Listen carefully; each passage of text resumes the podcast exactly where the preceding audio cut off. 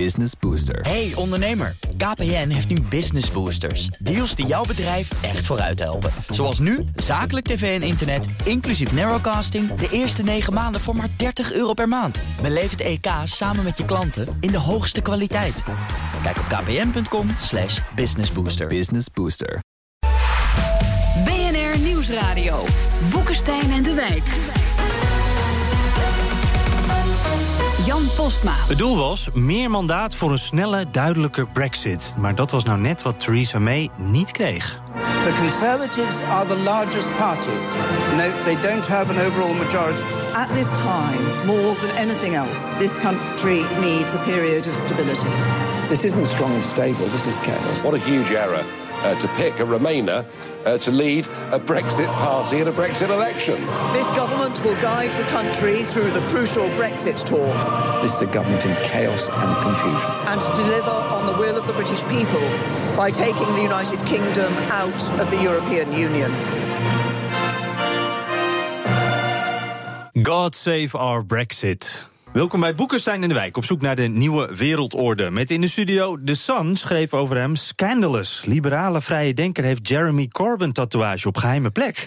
Arend-Jan Boekenstein. Ik, hè? Ja, jij. Ah, je doet net alsof je van niks weet.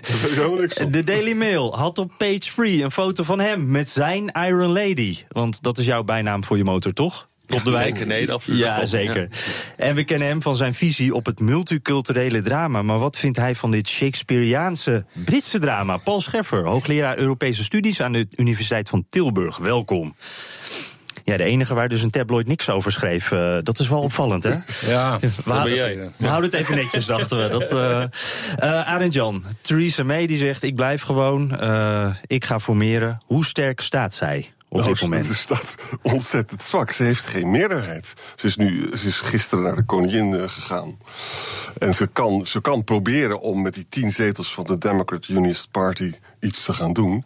Maar dat zijn uh, nogal. Uh, Hebben we het nu over de Ieren? Ja, dat zijn nogal chaotische jongens. Dus het, mm -hmm. de, de, de, de, kranten schrijven daar niet erg optimistisch over. Ze is enorm verzwakt. Er kan zomaar een leadership contest uitbreken. Wat ik trouwens heel graag zou willen, want ik heb ze allemaal gevolgd de afgelopen 30 ja? jaar. En het is Shakespeare toekoer. Dus dit zeg je even als liefhebber zou je wel graag zien oh, dat er... man, het is zo leuk. Leadership contest. Ja, uh, Rob, ja, we, we, hebben dus een verzwakte Theresa May, dat is wel duidelijk. We hadden ook al Cameron, die met zijn referendum het verkeerd inschatte. Nu dus dit weer. Wat, wat zegt dit over uh, het leiderschap van Britse politici? Ik vind dat al een aantal jaren achter elkaar duidelijk is... dat dat Britse leiderschap totaal incompetent is. Ik bedoel, wat, uh, wat Cameron heeft gedaan met het uitschrijven van zo'n referendum... dat op niks is uitgelopen. dat is verschrikkelijk. Nu zien we mee dezelfde fout te maken. Maar eigenlijk is er al, voordat Corbyn aan de macht kwam, is er al een fout gemaakt. Doordat werd toegestaan dat je tientjes lid kon worden van de Labour Party, waardoor je mee mocht stemmen. Nou, dat heeft uiteindelijk onder andere geleid tot de opkomst van Corbyn, waardoor die partij natuurlijk feitelijk ook mm. verzwakt is. Maar er komen nu al drie voorbeelden voorbij van politici ja, waarvan dat, jij zegt... dat heeft grote consequenties, denk ik. Want als je dus al niet in staat bent om op dit punt strategisch te denken, hoe moet je dan in godsnaam een brexit-discussie ingaan? Ik denk dat men dat gewoon helemaal niet op een behoorlijke manier kan. Maar waar moeten we dat dan neerleggen? Ligt dit dan uiteindelijk bij de kiezer? Uh, zeg je dat dan? Of, of, nou, of zijn die politici voor, zelf gewoon niet competent? De, ik denk dat die politici zelf niet uh, competent zijn. Hoe kan dat dan? Nou, dat heeft denk ik te maken met generatiewisselingen. Uh, deze politici hebben eigenlijk nooit wat meegemaakt. Ze hebben nooit voor een enorme uitdaging gestaan. Dat staan ze nu wel. het is voor mij evident dat de meeste politici in, in Europa... ik generaliseer natuurlijk nu enorm... Mm -hmm. eigenlijk niet meer strategisch kunnen denken. en dat heeft, dat heeft gewoon te maken met het feit dat ze zijn opgegroeid... in een tijd waar nooit wat is gebeurd... waarin veiligheid en welvaart. Eigenlijk totale vanzelfsprekendheden waren. Nou, daar krijg je nu de rekening voor gepresenteerd. En je ziet in heel veel landen zie dit gebeuren. Ja, uh, Paul Scheffer, ziet u in ieder geval, uh, of zie je, we hadden afgesproken te tutoyeren. Ga ja. ik toch meteen de mist in. ja, nee, nee, nee. Kijk, van dat grijze haar. Eminence Gries, uh, nee, we zijn heel benieuwd, hoe kijk jij daar tegenaan? In ieder geval voor Groot-Brittannië. Ja. Is dat inderdaad incompetentie van leiderschap? Mm, het is toch opvallend eigenlijk, dat we, wat we nu in Groot-Brittannië zien... is een terugkeer naar een twee-partijen systeem. Laten we niet vergeten, de conservatieven hebben hebben 6% gewonnen. 44% van de stemmen achter zich.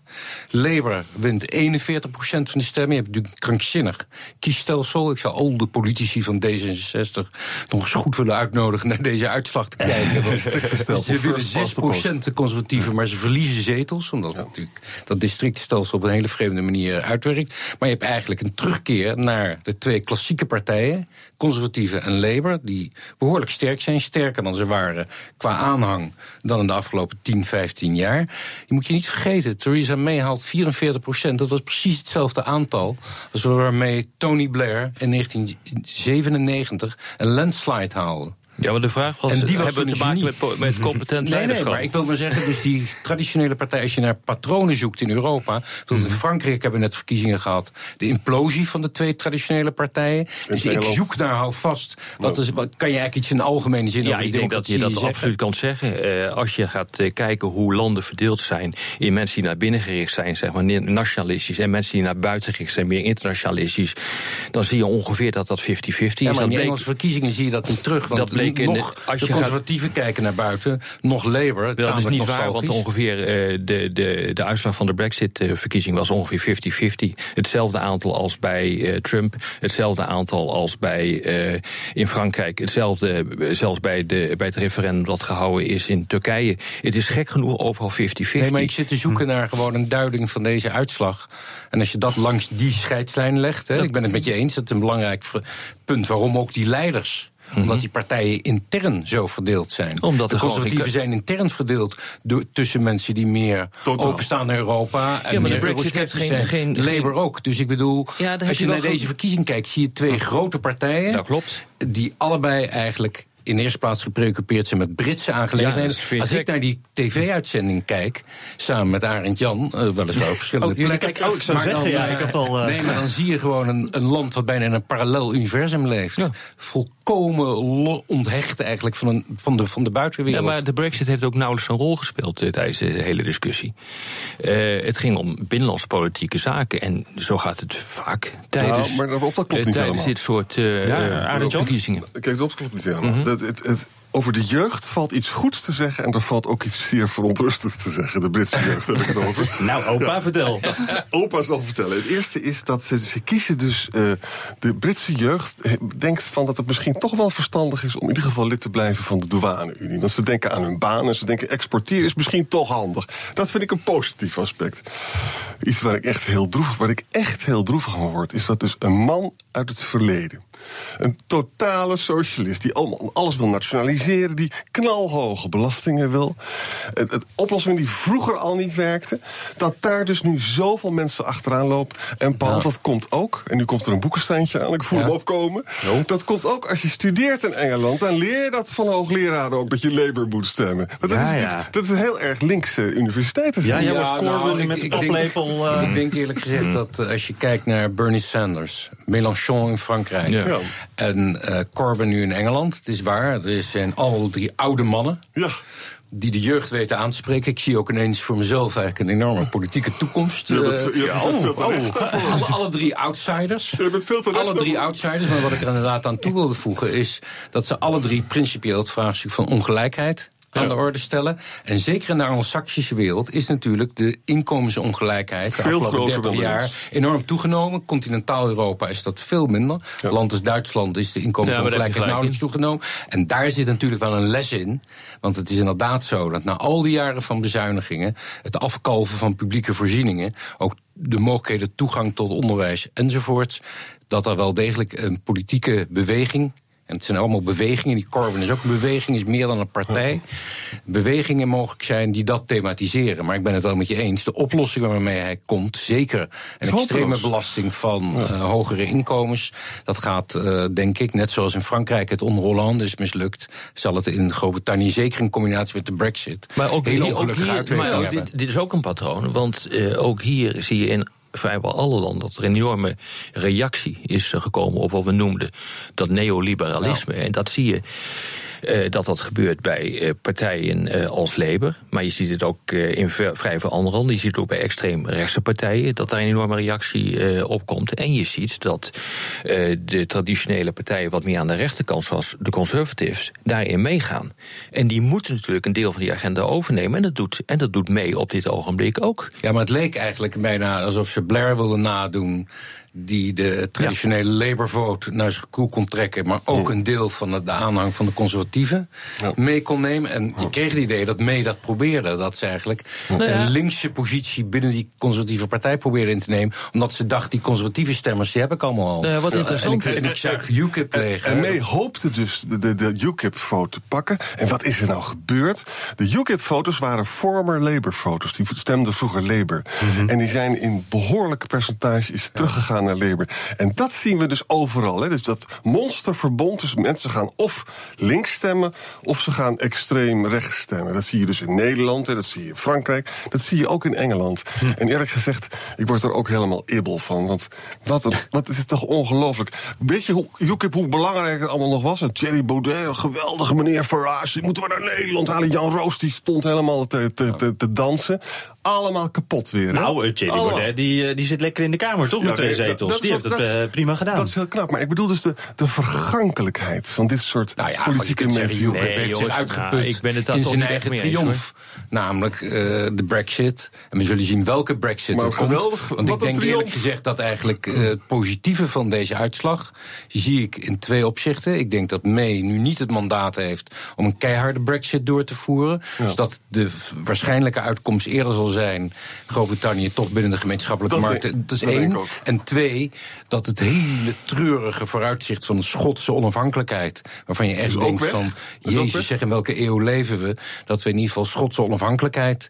echt voorlopig de nek is omgedraaid. Nou, dat zijn twee positieve uitkomsten... vanuit een Nederlands gezichtspunt. Eh, Europa en Nederland, daar gaan we het zo ook nog uitgebreider over hebben hoor. Maar eerst wil ik ook nog wel even weten: er zijn een paar onruststokers, de, de, de, die UKippers. Wat, wat, wat gebeurt daar nou mee? En bijvoorbeeld ook een, een Boris Johnson. Die zit in Nee, het weg. parlement. Nou ja, Boris Johnson die, eh, de- als, ja, die zal zich waarschijnlijk eh, warm willen lopen, ook voor het toekomstig eh, premierschap. Het ziet er nu naar uit dat eh, May premier blijft, maar dat hoeft helemaal niet zo te zijn. hij zal ze- toch gaan zagen, denk ja, ik. natuurlijk. Maar May die zei ook eh, een tijd geleden van er kunnen helemaal geen eh, verkiezingen. Vervolgens eh, gaat ze verkiezingen uit te schrijven. Dus niks zo onbetrouwbaars eh, als politici op, eh, op dit punt. Ehm, nou, dus ja, eh, ik denk dat zo'n zo'n Boris Johnson die zal proberen om, een, om in dat gat te springen uiteindelijk. Ja, ja, daar kan ik een heel sappig verhaal over vertellen. Ik vind, de politiek is zo fascinerend en ook zo verschrikkelijk eigenlijk. Hè. Moet je je voorstellen, zowel Theresa May als Boris Johnson... waren helemaal geen voorstander van brexit. Dat zijn ze om politieke redenen... opportunisten. Zijn, opportunisten hebben ze het gedaan, dat is één. Twee is, mevrouw May haat Boris Johnson. Die wilde hem ook gaan ontslaan. Maar nu ze zo op haar knieën ligt kan Boris Johnson dus nu waarschijnlijk blijven. En hij kan zeker een leadership contest doen. Maar je Eh, ziet niet bij alle. Bij, bij- die- je ziet een conservatieve partij die zich twee keer verschrikkelijk overschat heeft. Ja. Eerst Cameron met zijn referendum, waarvan Ja. die, wat hij puur om partijpolitieke redenen, om Ja. de conflicten binnen de conservatieve partij op te lossen, dat heeft gedaan. Nu Theresa May, die ook een puur partijpolitieke calculatie heeft gemaakt, namelijk naar de peilingen heeft gekeken, dacht ik lig meer dan 20% op Labour voor. Er zijn er uiteindelijk 2 of 3% onderhandelen. Van overgebleven. Maar is het niet ook gewoon een les dat kiezers gewoon instinctief een wantrouwen hebben tegenover politici die zo duidelijk alleen maar een partijbelang voorop stellen en niet een idee En nou, over het en- land hebben? Dat klopt, dat laatste ben ik volstrekt met je eens. En dat is ook precies het punt wat ik eh, eh, een een paar minuten geleden maakte. Wat je nodig hebt, dat zijn politici die inderdaad met een visie komen. Ja. En die in staat zijn om strategisch te denken. Maar waarom geef je Corbyn dan zoveel stemmen? Zo. Nou, met eh, dat statement van eh eh Arend Jan Boekenstein. U hoorde hem, de microfoon moest even wat zachter gezet worden. Ik hoop dat u niet geschrokken bent zo op de, op de ochtend. Eh, we gaan het straks nog over hebben. Mogen wij als Nederlanders eigenlijk nog Engelse drop eten... als die brexit-onderhandelingen straks zijn begonnen? BNR Nieuwsradio. Boekenstein en de Wijk. Op zoek naar de nieuwe wereldorde. Dit is Boekenstein en de Wijk. En dat programma is natuurlijk niet zonder Arend-Jan Boekenstein en Rob de Wijk. En te gast Paul Scheffer, hoogleraar Europese studies aan de Universiteit van Tilburg. Nou wilde ik de eerste vraag aan Arend-Jan stellen, maar die liep net weg op dat moment. Hij is er weer gelukkig. Het is zo'n grote studio. Uh, Arend-Jan, jouw partijgenoot, hè, uh, Hans van Balen, die zegt... de brexit is nog geen done deal. Dus dat allemaal op losse schroeven. Is dat zo?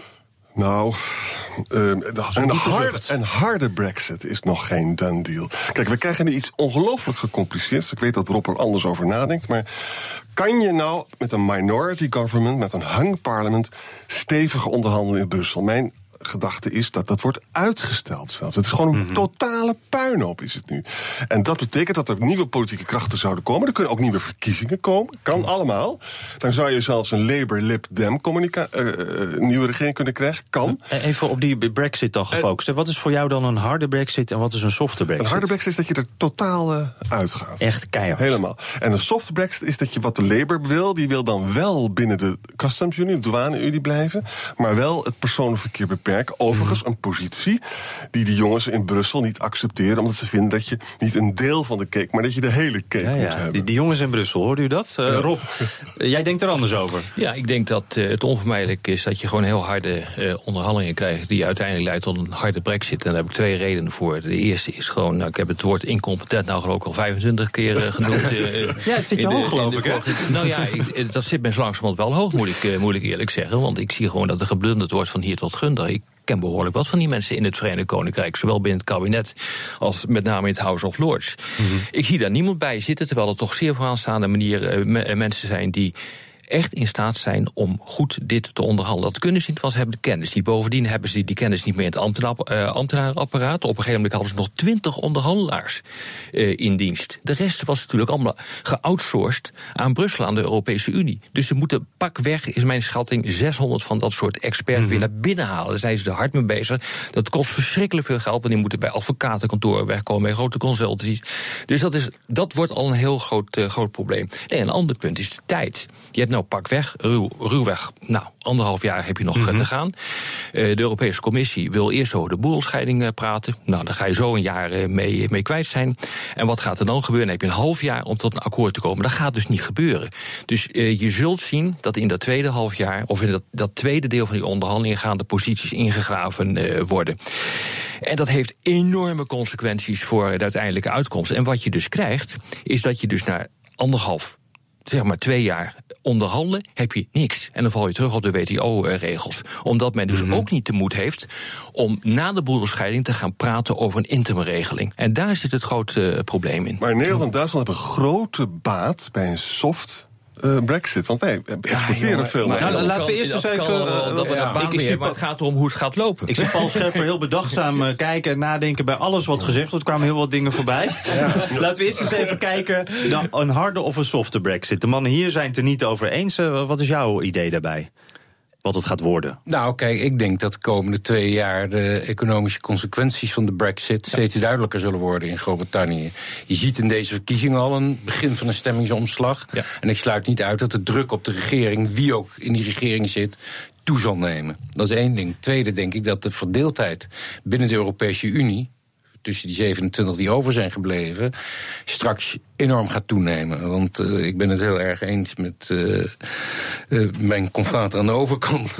Jan, Arend je medestander. Die, nee, die zegt van Nederland, Duitsland, een paar andere landen hebben veel grotere economische belangen bij open relaties met de, eh, Groot-Brittannië dan bijvoorbeeld Zuid-Europa of Oost-Europa. Dus die tegenstellingen zullen in toenemende mate duidelijk worden.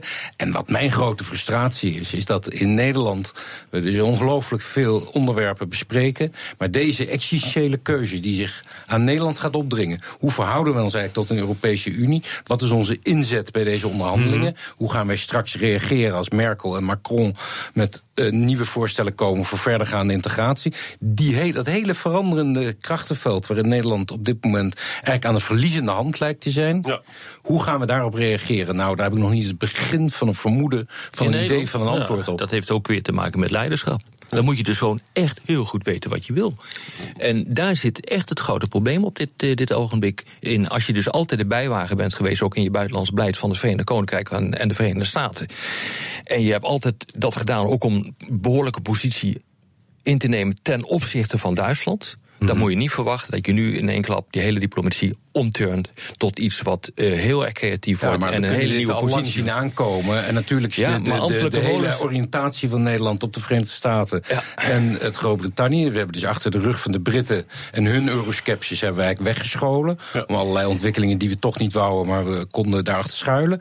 Nu hebben we een tijdje gescholen achter eh, Merkel. We volgen Merkel eigenlijk, dat is ons hele buitenlandse beleid. Maar stel dat Merkel hebben- nu echt in zal gaan op de vergaande voorstellen van Macron. En denk, dit is het moment om de Europese integratie verder door te Dat zetten. gaat ze doen. En de Britten aan de kant te laten. Nou, waar staat Nederland dan? Ja, Arend Jan. Gaan meedoen. Dit is heel belangrijk, even voor de lezer in, eh, voor de luisteraar in vooral, ja. luisteraar in?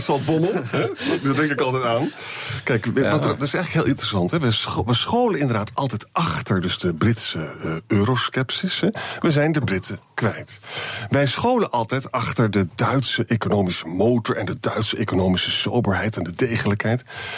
Als er een deal komt tussen Merkel en Macron richting eurobonds en zo, dan is alles wat onze buitenlandse politieke financiële elite dus niet wilde, gaat dan dus wel gebeuren. Dus wij staan. En in de Nederlandse politiek wordt over dit soort dingen nooit gesproken. Ah, Als we nou wel erover gaan praten, stel die visie is er, kunnen we dat dan nu nog veranderen of is het al te laat? Nou ja, om te beginnen, een, klein land als Nederland zal zich altijd moeten aanpassen aan de omgeving. Hè?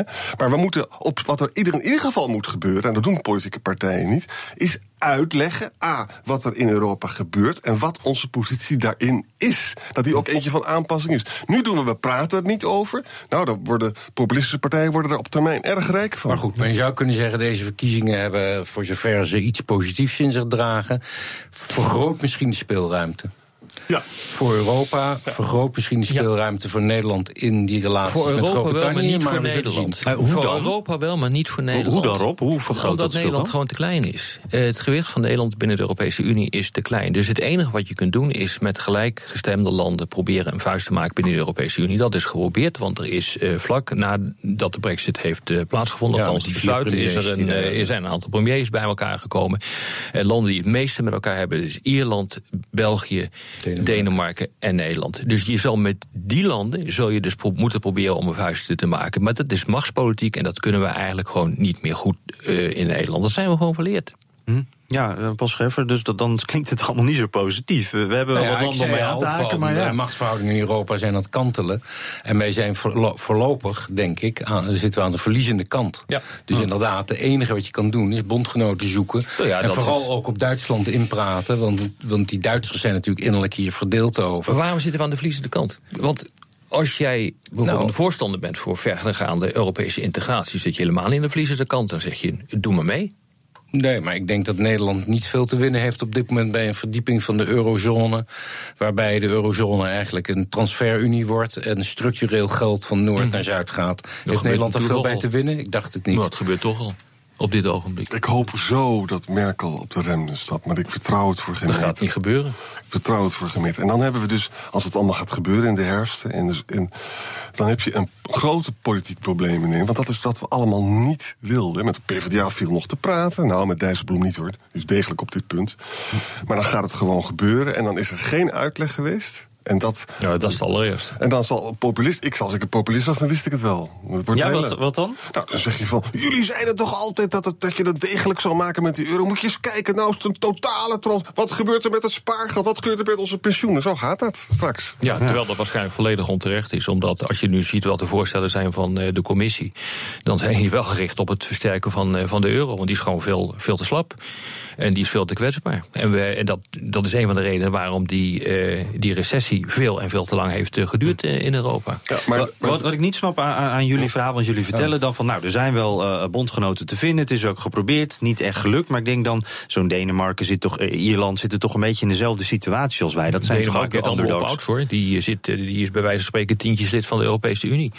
Dus eh, de vraag is in hoeverre Denemarken echt een vuist kan maken binnen in Brussel. Vraag Mhm. ik me zeer af. Ik vind het ook een hele zwakke combinatie. Wat zou dan wel een goede combinatie zijn? Ja, die zijn er dus niet op dit ogenblik. Volgens mij hebben wij hebben geen andere keuze. Het is gewoon vreselijk maar waar. Wij zijn, wij zijn een provincie van Duitsland. En als Duitsland dit soort domme dingen gaat doen, dan lopen we er maar achteraan. Maar, Ja, maar Jan, jij roept dat het zijn domme dingen en het is verschrikkelijk. Maar een hele hoop mensen vinden dat dus helemaal geen domme dingen. Ik bedoel, het is wel even iets minder zwart-wit eh, dan Nou, je nu voorstelt. nou, het punt is dat, dat wij in ons eh, beleid ten opzichte van Europa het altijd alleen maar over de baten hebben. wat het ons oplevert en, nooit over de kosten. En als je de Europese Unie zou willen karakteriseren vanuit een Nederlands gezag- gezichtspunt, zou je zeggen: wij exporteren stabiliteit. Maar dat gaat niet zonder het importeren van instabiliteit. Er zijn dus grote baten bij Europa, maar er zijn ook kosten. En wat je dus Nederlandse politici geweldig kunt verwijten, is dat ze het nooit over de kosten hebben. Nooit helder onder woorden brengen wat Nederland dit eventueel kost. En als we dat doen. En helder zou maken. Goed, die euro is tot op zekere hoogte. dat, hebben ze, dat, hebben, dat hebben ze in het Verenigd Koninkrijk gedaan. Dikke boeken vol. Het heeft niets geholpen. Ik kon er maar net zo tussendoor, eh, want het is moeilijk om eh, hier tussen jullie te komen als jullie eenmaal zijn begonnen. Ja, dat is, eh, Eh, maar je hoorde net Arend Jan een tv uit het raam flikkeren. Dat eh, doet hij als hij een beetje eh, geagiteerd is. Dat was je nu wel een paar keer, hè, deze uitzending. Dit gaat je aan het hart, dat merk het ik. komt door oude mannen als Mélenchon en Corb- Corbyn. Ik vind het zo. Ik begrijp het niet waarom mensen daar. Nou, Ik mensen, word er- vooral jongeren. Ja, ik word er, ik Ja, word er heel verdrietig van. Terwijl we net vaststelden dat het toch ook eh, kansen biedt, uh, Arend Jan. Maar ik wil je geen oude man noemen, hoor. Eh, wat was het deze week wat jou eh, eh, frustreerde, naast dit punt dan? Nou, frustratie is een groot woord, maar ik wil toch wel iets zeggen over Cenk Willink. Cenk Willink is een hele erudite, hele erudite man waar niemand een kwaad woord over zegt. En vandaag wil ik daar toch iets, een een kanttekening bij plaatsen. Dat is namelijk dit. De kabinetsformatie zit nu vast, het is volkomen duidelijk, op immigratie en het vluchtelingenverdrag. GroenLinks wil dat niet aanpassen. VVD en CDA willen dat wel. En D60 zit een beetje onder de tafel. Nou, een kabinetsinformateur moet een hele neutrale persoon zijn. Hè? Wat doet Cenk Willing voordat hij begint? Die houdt een prachtige speech en die zegt dan van ja, het vluchtelingenverdrag en en internationaal recht is natuurlijk heilig. Staat ook in onze grondwet dat we de rechtsorde moeten bevorderen. Ik vind het eigenlijk onbestaanbaar dat een kabinetsinformateur die, die onpartijdig moet zijn, zo'n partijdige on- eh, eh, eh, positie inneemt. die precies gaat over de kern van het politieke probleem en de politieke impasse. En kan, hij dit nog goed maken of is het leed al geschied? Ik vind het een buitengewoon aardige man. Hij houdt net zoals ik ook heel erg van muziek. Maar dit was toch even een klein vlekje. Oké, die muziek oké, maar de rest nee. Nou, dank Arend Jan. Dit was Boekenstein in de Wijk. Dank ook Paul Scheffer, hoogleraar Europese Studies aan de Universiteit van Tilburg. En nu ook dank voor het luisteren voor nu. En luister ook naar de podcast. Hè. Dat kan via iTunes en via Spotify. Heb je elke week de laatste aflevering.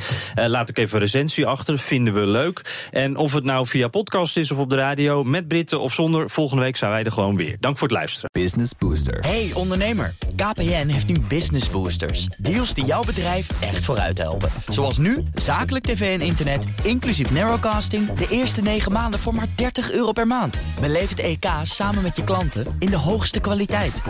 Kijk op kpn.com slash businessbooster. Business Booster.